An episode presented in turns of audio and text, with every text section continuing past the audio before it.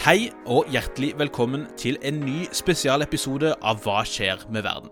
Mitt navn er Bjørnar Østby, og det er en glede å få presentere en ny spesialepisode, denne gang i anledning Arbeidernes dag 1. mai. Episoden har vi valgt å kalle After the Burn, og den handler om nettopp veien videre for den amerikanske venstresida, nå som Bernie Sanders har avslutta sin presidentkampanje. Min faste makker Nick Brandal har sammen med vår kollega professor Bernt Hagtvedt intervjua to amerikanske herrer som er veldig opptatt av nettopp veien videre for den amerikanske venstresida. Vi har fått med oss Michael Duar, som var nestleder for Sanders-kampanjen i New Hampshire, og Kelly McGowan, som er en amerikansk antropolog, ekspert på den nordiske modellen og medlem av The Democratic Socialists of America. Michael introduserer oss for Sanders-kampanjen sin virksomhet i New Hampshire, og reflekterer over suksesser og feilsteg under den kampanjen. Deretter går diskusjonen med Michael og Kelly innom hvorvidt Sanders ga seg for tidlig, om hans tilhengere vil stemme på Biden eller ikke, hvem som eventuelt kan bli venstresidas nye lederskikkelse, og hvorvidt venstresida i USA kanskje må vurdere å operere utenfor det demokratiske partiet. Til slutt får vi også besøk av vår egen førsteamanuensis og USA-kjenner Hilde Restad til en kort samtale med Nick. Dette og mer får du høre i denne episoden av Hva skjer med verden spesial.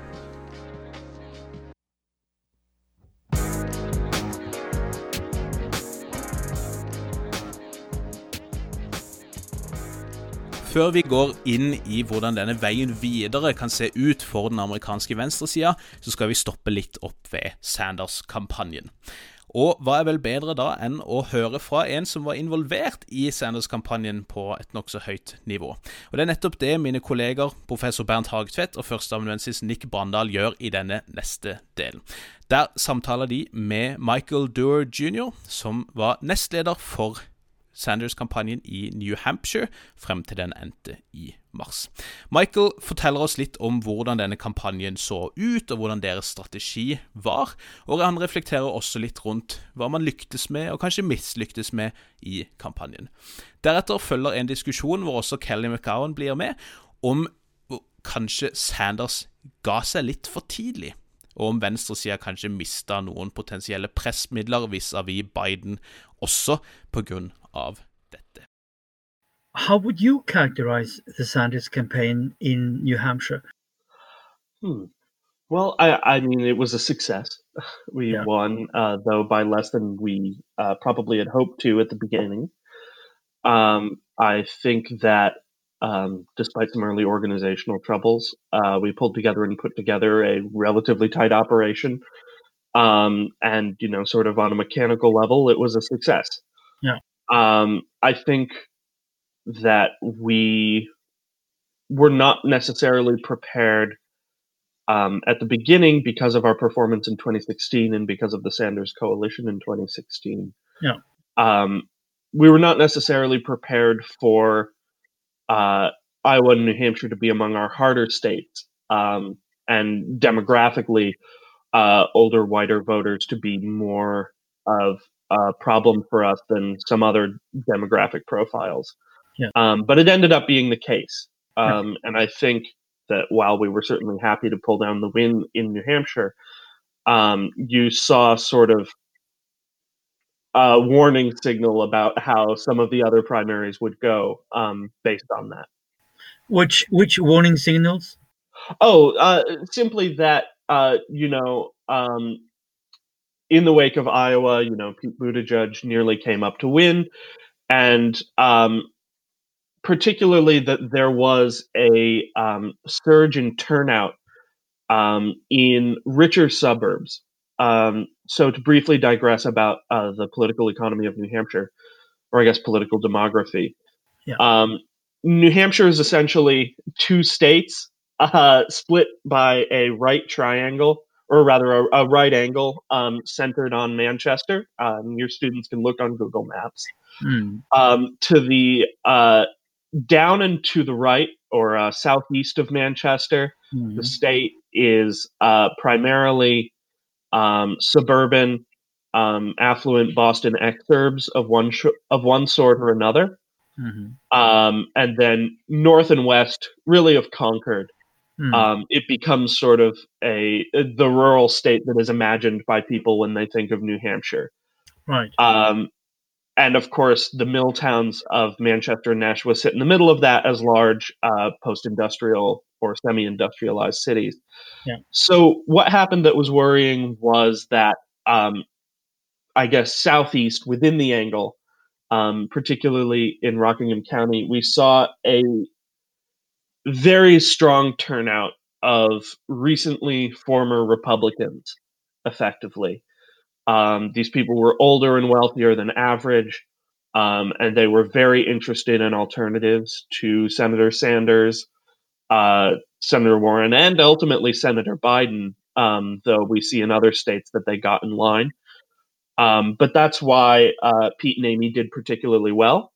And the other thing that we saw um, sort of north of that right angle that I've drawn in our imaginations is that um, a lot of uh, older, whiter folks who were independents, um, who were less wealthy, um, had ultimately lost their interest in the Democratic Party Yeah. um, and were not even willing to come back in and vote for Senator Sanders um, because they're getting what they want from Trump. Looking back on the entire Sanders campaign, what would you say was successful and which kind of failures would you say you encountered? Oh my goodness. Well, I think, and this is something that I miss quite often. I think it's important to view the fact that it exists at all as Yeah. a success. Yes. Um, you know, I, I think that the notion that the left of the party could have put up a presidential candidate who came in second in 2020. Yeah. I mean, if you had said in 2007 or 2009 to somebody anywhere, uh, it doesn't matter if they're a social democrat in Europe, an American leftist, Hmm. you know, uh, a right winger. Well, I guess right wingers think that we're all socialists. Yeah. Uh, but you know, if you had said, "Oh yeah, a socialist is going to be the runner-up in the 2020 primary," and it is the independent senator from Vermont, Hmm. uh, you would have been laughed out of the room, and Yeah. nobody would have ever trusted you ever again. exactly. So I think it's important to say that in the first place, it was a success. Yeah. Um, and in terms of um, the other big things, uh, mechanically at least, are outlining an alternative funding model. Um, so the reality of American national elections right now is that they take quite a bit of money.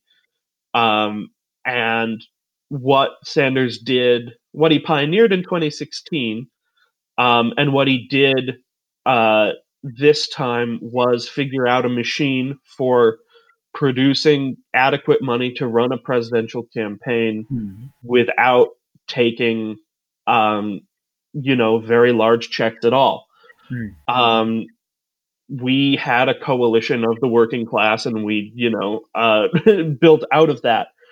Um, and we did not, you know, uh, have to. Uh, we didn't have to uh, ask for money from, you know, um, from the normal interests that are sort of corrupting our democracy. Yeah. Um, the other success that I would say is that we successfully reached um, large sections of uh, the American working class that we hadn't in 2016.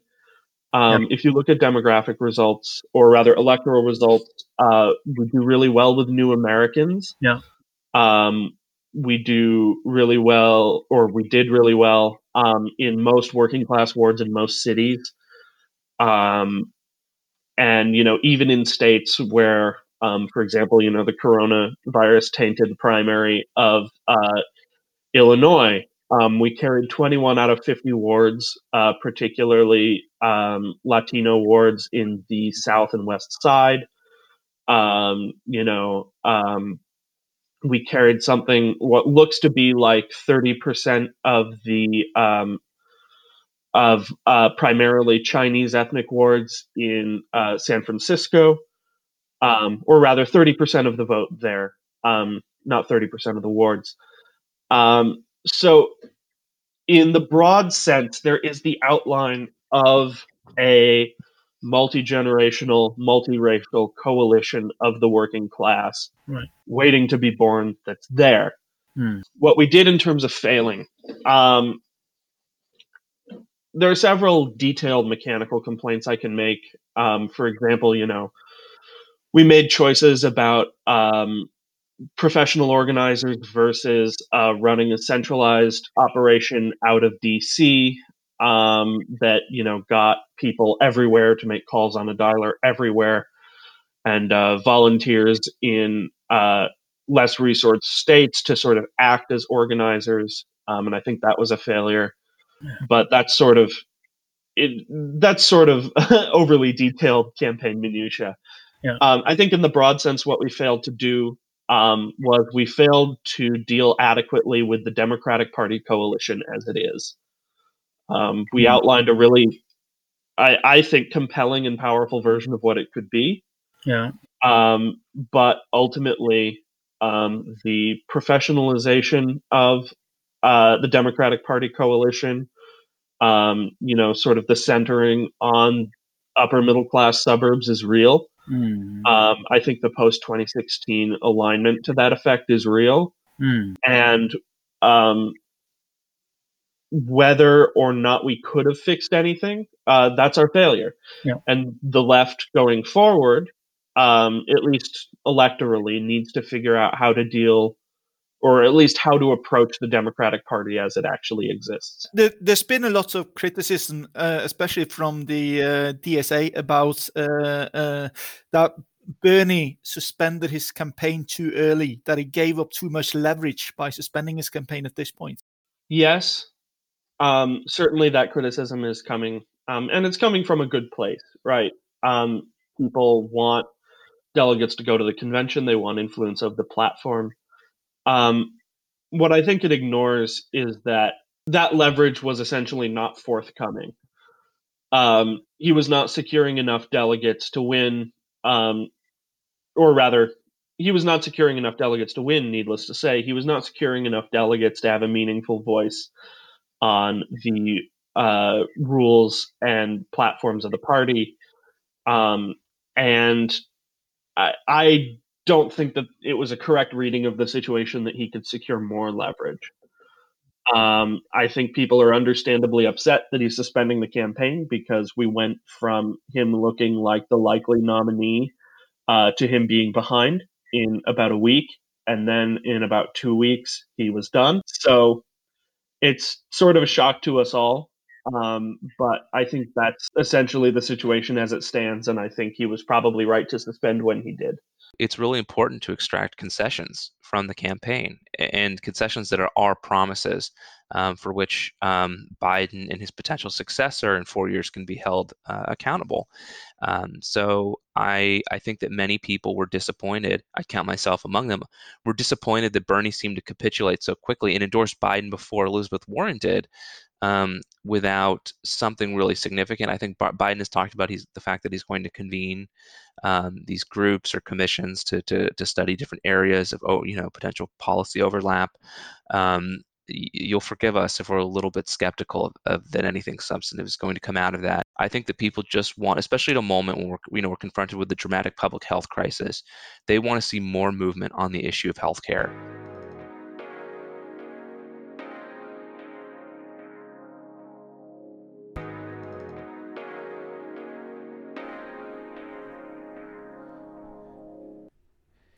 Et viktig spørsmål å stille her er jo hvordan Biden endte opp med å ta igjen Sanders og ender opp med å vokse veldig dramatisk her. Såpass mye at Sanders til slutt beslutta å trekke seg. Og ikke bare det, men videre tror disse amerikanske ekspertene våre her at Sanders sine tilhengere vil stille seg bak Biden til høsten i presidentvalget, eller risikerer han å miste mange stemmer? Could you explain the reasons why Biden experienced such a rise, it's a fast rise towards the end of the campaign? Absolutely. Oh, well, no. I mean, I can give you my guesses. Yes. um, and I can talk about it. Uh, you know, whether I'm an authority on the question is uh, anybody's guess, least of all mine. Um, but I think what Biden was able to successfully do um, was portray himself as uh, the Democrat. Um, because you had everybody uh, withdraw all at once and endorse him, that made him look like a consensus candidate in a way that the Sanders campaign didn't really try to do after Nevada, um, and arguably should have. Yeah. Um, so what happened in the 72 hours after South Carolina um, was, of course, that um, the active uh, conservative candidates, uh, Amy Klobuchar, uh, the senator, and uh, former Mayor Pete Buttigieg, dropped out and endorsed him in quick succession, uh, Yes. endorsed Biden, that is.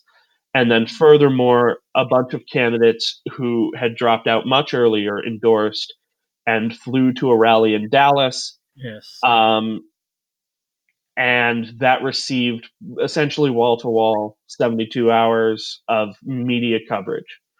Um, and, you know, most people who you interact with who are regular or semi regular voters, they don't think of themselves as particularly ideological.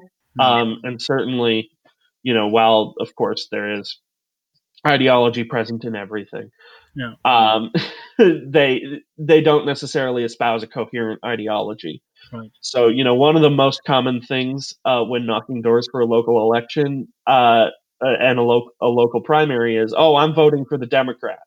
Yeah. Well, it's a primary. You're voting for all Democrats. Uh, so, what does that mean? Yeah. Um, but I think what Biden was able to do was become, quote unquote, the Democrat. So, Yeah, people right. who just wanted this primary to be over, Hmm. people who just want to move on to the general election because they care about beating Trump said, Mm. "Oh, well, Biden's the Democrat. I'm going to vote for him to put this away." But tell us, tell us now, um, the people who supported Senator Sanders, will they continue to support Biden? The the feeling in this country is that the crucial issue is participation.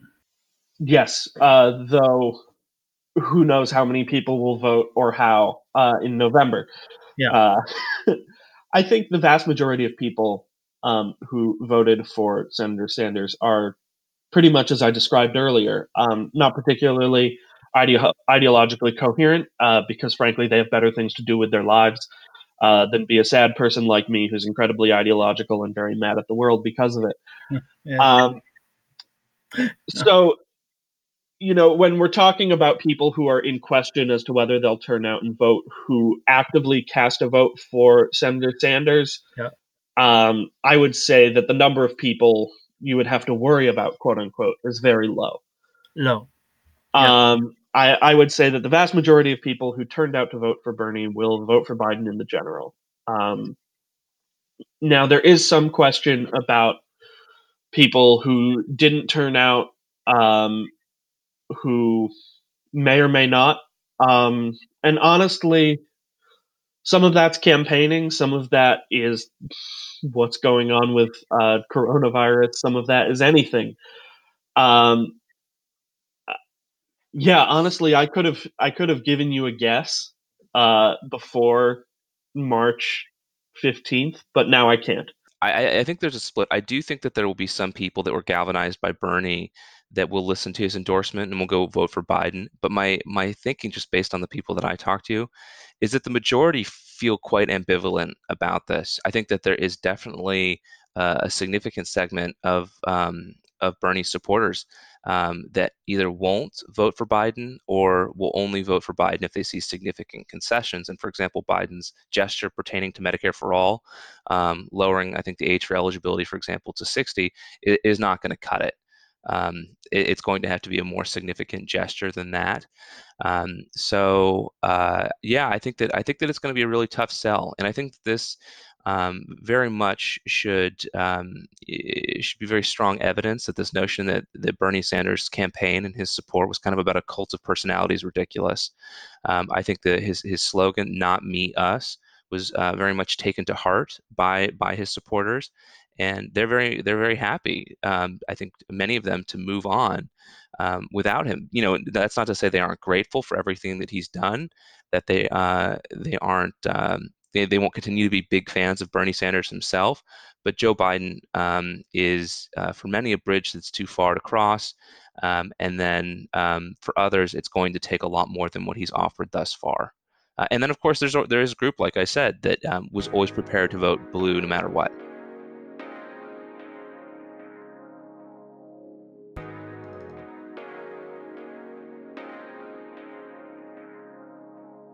Bernie Sanders er jo interessant fordi han har greid å samle en ganske bred koalisjon på venstresida innen amerikansk politikk. Men han vil jo ikke kunne lede denne fløyen for alltid, så spørsmålet er jo på lengre sikt fins det noen andre som kan seile opp som en lederskikkelse, som kan holde sammen denne koalisjonen på venstresida, og hvem skulle det eventuelt ha vært?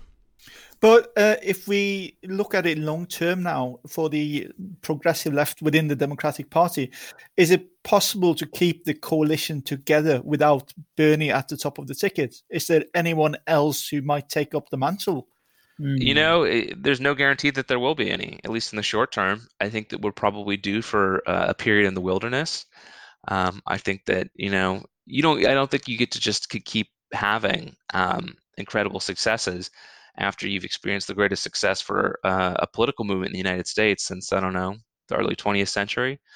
Um, so I think that Bernie Sanders was probably a once in a generation figure, um, just because so much of what his popularity and his legitimacy on the left was a function of his consistency over what a 40 year political career. So the investments in time and consistency, and consistency are incredible. Um, and if you look around, you just don't other you don't have other figures like that. So I think if we're hoping for another Bernie Sanders like moment, I think that this was a small opening, a small crack um, through which we were able to, um, you know, get you know through much you know we were able to get through. Um, we weren't able to get to the next step, um, but no, it's it's it's it's done what it needed to do or it's done what it could do this moment which i think is bring uh, awaken a political consciousness in a lot of people for whom it didn't previously exist and has brought them into organizations and into environments where they recognize that they're not alone um, that in fact their interests and their hopes and their anxieties are shared by millions of people um, and there is a horizon towards which we can all aspire together um, and uh, you know, I think maybe if, if, we haven't realized it yet, we're gonna have to realize it soon. We don't necessarily need um, charismatic leaders at all points in this journey to get us to where we want to go. I think Eugene Debs was the one that said, you know, if a leader can take you into uh, into the promised land, you know, a leader can take you out of it. I'm paraphrasing. Um, so we should be a little skeptical of um, devoting too much of our attention and admiration to particular leaders. Um, that said, in in you know, given our political institutions, we do need figures that can contest um, elections. Um, I think that we have. I mean, you, people have talked a lot about the squad. Um, you have some very talented p- politicians that um, have risen to national prominence during the last couple years. So you do have figures there. Um, I think that the, you have a lot of leaders that are emerging in these some of the, these organizations we've talked about. There's a lot of political talent that's been discovered in DSA. Um, I think at last count, the, the member uh, the membership's over seventy thousand. Uh, you, would have to check that. I might be wrong on that. Um, but I think as an incubator, we just have to give it time. I think that those personalities are emerging. The talents, like I said, are being identified and discovered. Um, an apparatus is coming into existence, um, and I think it's if we were to compare it to a period in in the history of um, Norway, for example, um, we're we're pre like 1915 you know? We're you know we're not even to the period of dramatic ascendancy. Um, this isn't the night you know this isn't the 1880s 1890s um, where the labor parties come into existence um, and is, is doing some of its early organizing i think that we have moved on to a period of consolidation and serious forward momentum um, but um, we don't have our Tranmæl yet um, and uh, and we don't have the figures that are going to really bring things together um, to set us up for a period of massive, you know, 1920s, 1930s style success.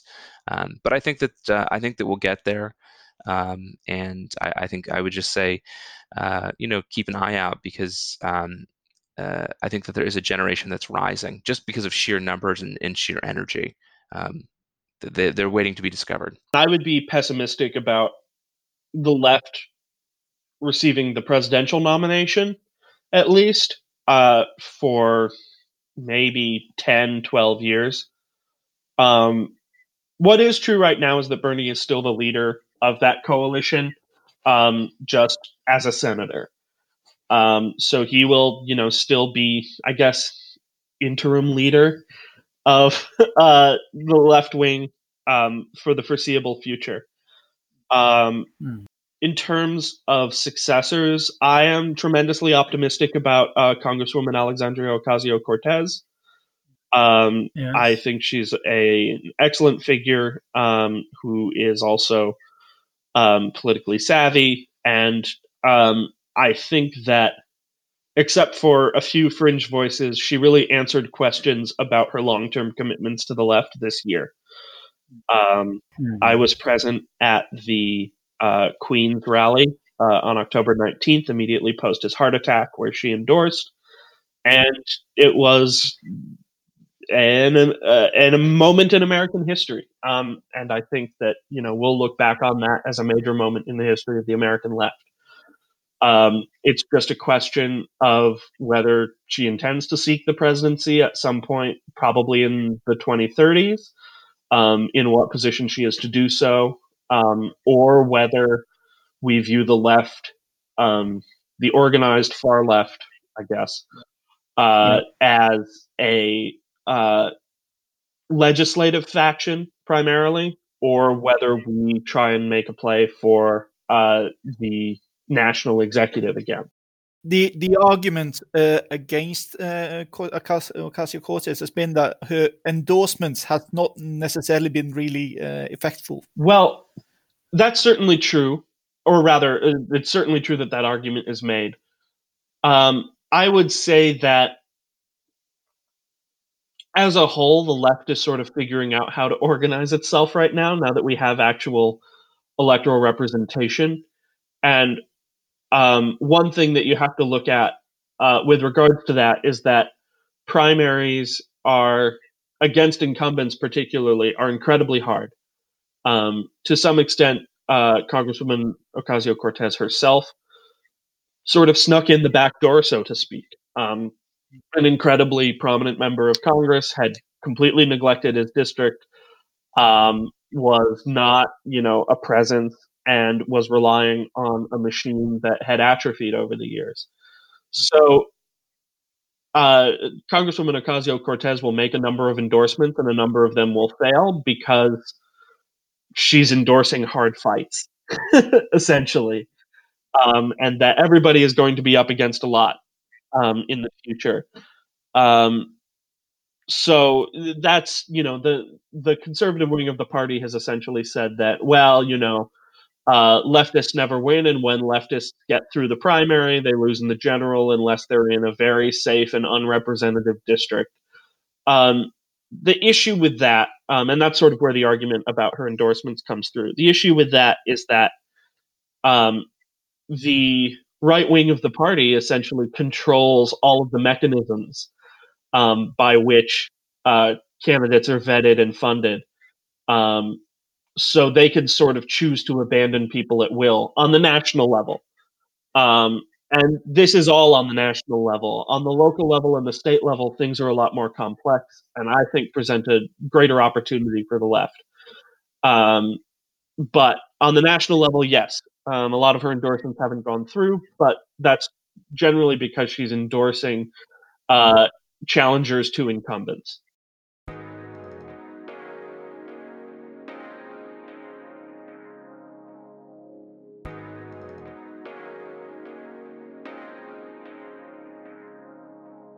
Bernie Sanders er jo egentlig partipolitisk uavhengig, men har stilt som presidentkandidat for Det demokratiske partiet. Og det er mye av diskusjonen vi har hatt til nå, ta det som på en måte for gitt at man vil operere innad i Det demokratiske partiet på sikt også, så trenger jo ikke nødvendigvis den progressive venstrefløyen i USA å gjøre det. Så la oss høre hva våre venner har å si om dette her, om man kanskje skal bevege seg mot et tredje parti, og hva som vil være klokt for venstrefløyen på sikt. What is the future for progressive politics within the Democratic Party? Is there a future, or is a third party necessary sometime in the future? Oh, um, I actually sort of like to think about this um, with a minimal view to ballot lines. Um, so I think that rather than thinking about the Democratic Party as a unified entity that relates directly to the ballot line that you're on, um, and you know whether a D comes next to your name or not. I think you can separate out the mechanisms of the Democratic Party, the machines, the local clubs, everything else, and the ballot line that they appear on. So, what I would argue, and what a few people have argued, um, most famously Seth Ackerman and Jacobin, is that what the left definitely needs is something that would be called a party in Europe in parliamentary democracies. Um, we need a centralized organization that promotes candidates um, that you know endorses and moves electoral uh, and you know conducts elections to elect them. Mm. What that means in America, in terms of what ballot line those candidates appear on, is I think far more ambiguous. Um, I think we should still contest the Democratic ballot line, especially because uh, a lot of people believe in and support the Democratic Party. Um, I think in places where uh, independents could run viably, we should support independence. Um, I don't think uh, that running candidates in the Republican Party would be pre- very successful. Um, but I think if you know you see it, if you know you live in a Republican county and Republicans have controlled your county for hundreds of years and that's the only viable party, I think you should run there. Um, so what I believe so that's my question about whether the left should stay within the Democratic Party. Um, the answer is yes, sort of. Um, but I think we should develop an organization that would be a party by any other name uh, in any sane country uh, that doesn't have sort of the weird electoral system we've ended up with over years and years of very strange bureaucratic decisions. Uh, I think it's remain it's it's um, uh, it's remaining open to a kind of tactical flexibility that involves using the Democratic Party when it's convenient to, to contest particular elections in, in which it would otherwise be in part uh, impossible or highly unlikely um, for third party formation um, to ever be competitive. I mean, I think that we have to look at the AOC campaign from a couple years ago and understand that there are areas of vulnerability where, with just a little bit of pressure, um, an insurgent candidate can take office at a very high level um, in Congress, for example. Now, obviously, that's a, that's a more dramatic case. But if we just look locally, there are plenty of offices um, where the races are either uncontested or the person wins by a couple hundred votes or a couple thousand. And if you just had folks block walking and making calls, that's an election you can win for a progressive. So I don't think that we want to surrender the Democratic Party's terrain entirely um, to um, a kind of unfeeling uh, almost nihilistic establishment. I think that we want to um, very much find those areas and push on them, like I uh, like I said. At the same time, I increasingly believe, and I think others do as well, that it is it is um, going to be important to think about a, a, new political formation within the American um, system. Uh, you know, I'm hesitant to use the word party because starting a new party is, um, you know, third parties are um, are oftentimes greater dead ends than you know this kind of the entry strategy where you try to take another party over. But I do think building capacity, building parallel institutions, um, b- basically building everything you need for the world that you want to be born is important work to do. And I do think if you if you ask me to bet on it, I think that long term that is the the strategy to take um, is to use the Democratic Party where you can to work with allies with the Democratic Party that are amenable to that, but to ultimately be building something that's separate that one day can stand on its own two legs and can contest elections. That's something that I would like to see, and I think that ultimately that's a more hopeful strategy um, than uh, you know beating our heads against the Democratic wall.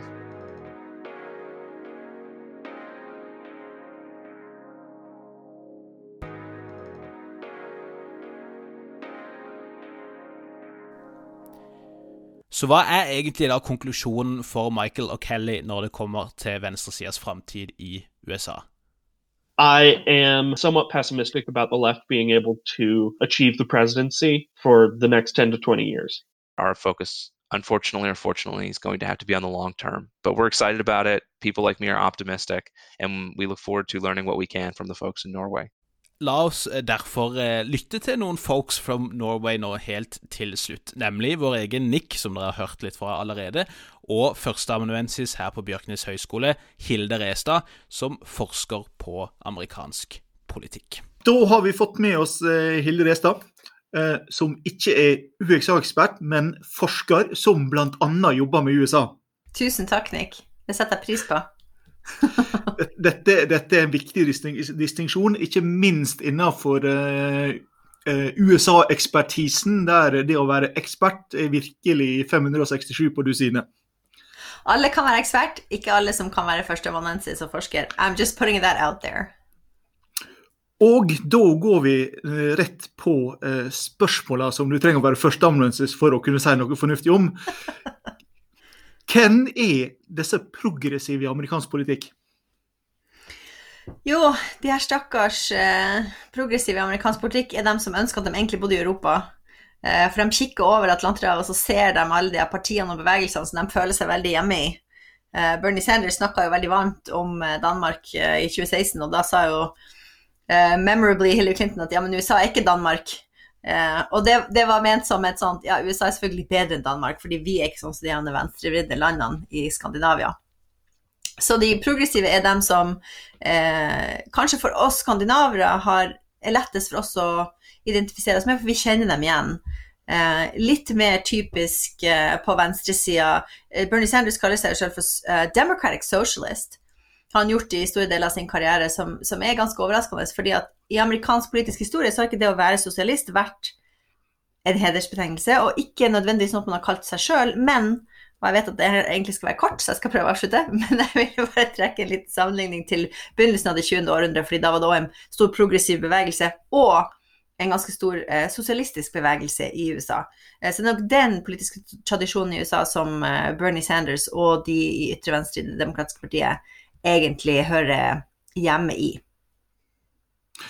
Kanskje vi bør gå inn på hvordan de amerikanske partiene fungerer. I Norge og Europa så er jo parti medlemsorganisasjoner og kontant, eh, kontingentinnbetaling en viktig del av finansieringa. Det er jo ikke helt slik det fungerer i USA. Det er ikke helt sånn det fungerer i USA. Og partiene er mer som litt sånn løse paraplyorganisasjoner for veldig mange forskjellige grupper. Eh, enn de er sånn strikte partidisiplinære organisasjoner. Og det sammen med at USA har et annet type valgsystem enn det vi er kjent med i kontinental-Europa, um, gjør at de har et topartisystem med to ganske løse organisasjoner som sine partier, som da skal prøve å holde styr på ganske forskjellige meningsgrupperinger og ideologiske grupperinger under hver sin paraply. Så eh, det blir litt sånn rart å trekke direkte sammenligninger, men bare for å gjøre det litt forståelig, så kan man tenke seg at eh, Bernie Sanders, som stilte i 2016 og igjen da i 2020 um, som presidentkandidat for Det demokratiske partiet, er litt som om f.eks. Bjørnar Moxnes forsøker å bli statsministerkandidaten for Arbeiderpartiet. Det er ikke helt, uh, det er ikke helt søvnløst. Eh, begge de to vi intervjua, snakker jo om organized left. Hva er det de mener med det? Ja, så Da er vi litt tilbake på det her med at de to partiene er litt sånn løse paraplyorganisasjoner, og under der så er det mange forskjellige grupperinger og, og organisasjoner. Så i Det demokratiske partiet nå så har du på en måte en, en organisert venstreside av partiet som består av ulike grupper, f.eks. Democratic Socialists of America, DSA, som Bernie Sanders og Alexandria Ocasio-Cortez tilhører. Um, som da er både en, e, sånn en, egen slags organisert gruppering, men også da skal tilhøre egentlig Det demokratiske partiet, selv om And Hillary Clinton will tell you this. Uh, Bernie Sanders har aldri vært med i Det demokratiske partiet, og er heller aldri stilt som demokrat. Um, så, og så har du da I guess the unorganized left, som kanskje bare egentlig henspiller på velgere på ytre venstre, som av og til stemmer på demokrater, kanskje av og til ikke stemmer på demokrater, eventuelt Det grønne partiet. En av strategiene som de progressive har brukt til nå, er jo å plukke ut såkalt myke mål. Demokratiske distrikt der de kan slå veletablerte kandidater, som Ocasio-Cortez gjorde i New York og Marie Newman nettopp gjorde i Illinois. Har denne strategien potensial til å lykkes på, eh, på sikt? Både ja og nei. Åpenbart ja fordi, på den ene sida fordi at måten å, påvirke demokratisk politikk på, altså demokratisk som det demokratiske partiet, er å, et, å erstatte uh, de litt mer sentriske sånn, sentrumspolitikerne i det demokratiske partiet med mer progressive politikere i Kongressen. Fordi det er der politikken formes og, og, utføres. Det er sånn at, det er ikke på noe sånn landsmøte hvor man driver og uh, krangler om et partiprogram. Det, det, har ingenting å si. De, er, de som er i Kongressen, de bestemmer um, partipolitikken til de to partiene. Således så forstår man strategien fra de progressive med å forsøke å få inn sine egne i Kongressen. Mm. Samtidig så er det jo en kjensgjerning at hvis du har et parti som ikke er veldig samla, eh, og som ikke har en viss grad av disiplin, så er det mye vanskeligere for det partiet å skulle front, eh, stå imot det andre partiet. Um, og, og, på en måte ha en, en samla front. Så man skjønner det, og det gir nok mening, men det kan også selvfølgelig føre til intern uro, da. Det var også interessant at både Mike og Kelly hadde et eh, veldig langt perspektiv på framtida. De, de, så ikke for seg at etter Bernie Sanders så skulle det være om fire år eller om åtte år neste sjanse kom. De snakka om 10-15 år inn i framtida. Eh, og de var opptatt av at Sanders-kollisjonen tilhører framtida i amerikansk politikk. Er det grunnlag for denne optimismen, eller burde den heller følge John Maynard Keynes i maksim om at på lang sikt er vi alle døde? På lang sikt får vi alle pause fra den her forferdelige støyet fra andre sida av Atlanterhavet. Nei, altså ser, Det har vært gjort mange meningsmålinger de siste årene på ulike politiske synspunkt blant ulike generasjoner av amerikanere. Og man ser ganske konsekvent at eh, Generation Z, altså generasjon Z, eh, er merkbart mer til venstre enn de eldre generasjonene de eldre generasjonene, særlig på verdispørsmål, altså social issues. Bare det at man er komfortabel med å kalle seg sjøl sosialist eller snakke om sosialisme, er jo et, et vannskille i amerikansk politikk, for sånn har det ikke vært på mange, mange, mange tiår eh, siden før den kalde krigen. Men samtidig så vet man jo også at ettersom generasjoner vokser opp og blir eldre, så har de en tendens til å bli litt mer konservativ, kanskje.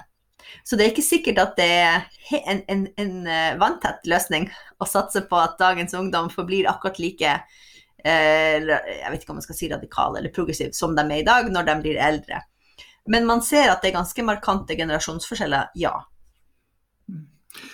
Hvis vi ser på framtida til Det demokratiske partiet. I 2018 kom det inn mange nye kandidater på begge fløyene som stilte på et program der de skulle være en motmakt mot sentristene i partiet. Og dette inkluderte å ikke stemme på Nancy Pelosi som speaker. Hvordan har dette fungert i denne perioden, og, og hvordan, basert på det, kan vi si uh, dette vil utvikle seg dersom den progressive fløyen skulle bli styrka i de kommende valgene? Vi kan vel si at Nancy Pelosi har grusa absolutt alle motstandere på alle mulige måter, om de kommer fra venstre eller høyre. Litt sånn Matrix-slåsskamp. Eh, um, og der skiller hun seg veldig ut fra de, de, de, Speaker of the House som kom rett før hun fra det republikanske partiet, som ikke klarte å takle sine eh, opprør internt i partiet. Jeg tenker særlig på John Bainer og, og Tea Party-bevegelsen. Så, sånn sett så har eh, Nancy Pelosi klart å takle de utfordringene veldig godt. Um, men hun er jo da noen og 70 år, eh, som en del av de demokratiske lederne er. Og igjen så ser vi da at det kommer en yngre generasjon inn, eh, både fra sentrum, men også på venstresida hvor man kan tenke seg at det kan bli kanskje litt klarere konfliktlinje og litt sterkere konfrontasjon etter hvert, dersom den eldre garden i partiet ikke lar den yngre garde få lov til å tre frem. Helt avslutningsvis så må vi komme inn på de nye beskyldningene eh, mot Joe Biden om seksuelle overgrep som skal ha skjedd på 1990-tallet. Er de troverdige, og hva tror du konsekvensene vil bli? Da må vi eh, bare være forsiktig med å Påpasselig med å si at det er én beskyldning. Det er ikke mange beskyldninger, det er én beskyldning. Og det er verdt å merke seg at det er én beskyldning over en karriere på liksom 50 år. Samtidig så er det da en troverdig beskyldning. Eh, gitt sånn som journalister går fram når de skal forsøke å rapportere på sånne her type beskyldninger, så mener da flere veldig eh, flinke, veldig vel ansette gravejournalister at beskyldningen fra Tara Reed som sådan er troverdig gitt at hun har fått andre til å underbygge den um, i form av at hun fortalte folk hun kjente da det skjedde, om at det skjedde, og det her var da i 1993. Og så er det jo da sånn at den beskyldninga i seg sjøl skal man ta alvorlig, eh, og i Det demokratiske partiet så har man jo vært veldig opptatt av metoo, likestilling, eh, seksuell trakassering, alt det her. Sånn at som parti så fordrer det at man tar det her alvorlig. Fordi man ønsker ikke å ha samme holdning til det her som republikanerne hadde til de mange, mange, mange troverdige beskyldningene mot da kandidat Donald Trump. Så det, det er én del av saken. En annen del av saken er den mer kyniske politiske vurderinga. Eh, vil det ha noe påvirkning på Joe Biden sine sjanser til å bli valgt i november? Og nå skal ikke jeg spå hvordan det her kommer til å hva som kommer til å skje med denne saken fremover. Eh, men akkurat sånn som det ser ut nå, så er det ikke nødvendigvis noen grunn til å tro at det vil svekke Joe Biden i de gruppene som gjorde at han i utgangspunktet var tenkt som en smart kandidat mot Trump, nemlig eldre, hvitere velgere og hvite velgere uten høyere utdannelse. Så det er ikke sikkert at det vil ha noe å si for hans velgersjanser i, i, november. Eh, det skader ikke han som kandidat, det bare skader sjela mi og sjela til mange demokratiske velgere. Ja, da får vi vel bare takke for uh, innsikta og eh, si som Rudolf Blustrup Moen i Flåklypa Grand Prix at teamet time vil show. Det var det vi rakk i dag. Tusen takk for følget, og takk til både Bernt, til Nick, Michael, Kelly og Hilde, som har vært med og bidratt i denne episoden. Håper du har blitt litt klokere. Det føler i hvert fall jeg at jeg har. Og jeg kan love at vi er tilbake igjen allerede på mandag med en vanlig episode av Hva skjer med verden. Men neste fredag, 8. mai, er det også en viktig markeringsdato. Det er så klart frigjøringen av Norge og slutten på andre verdenskrig i Europa. Og i år er det 75 år siden det skjedde.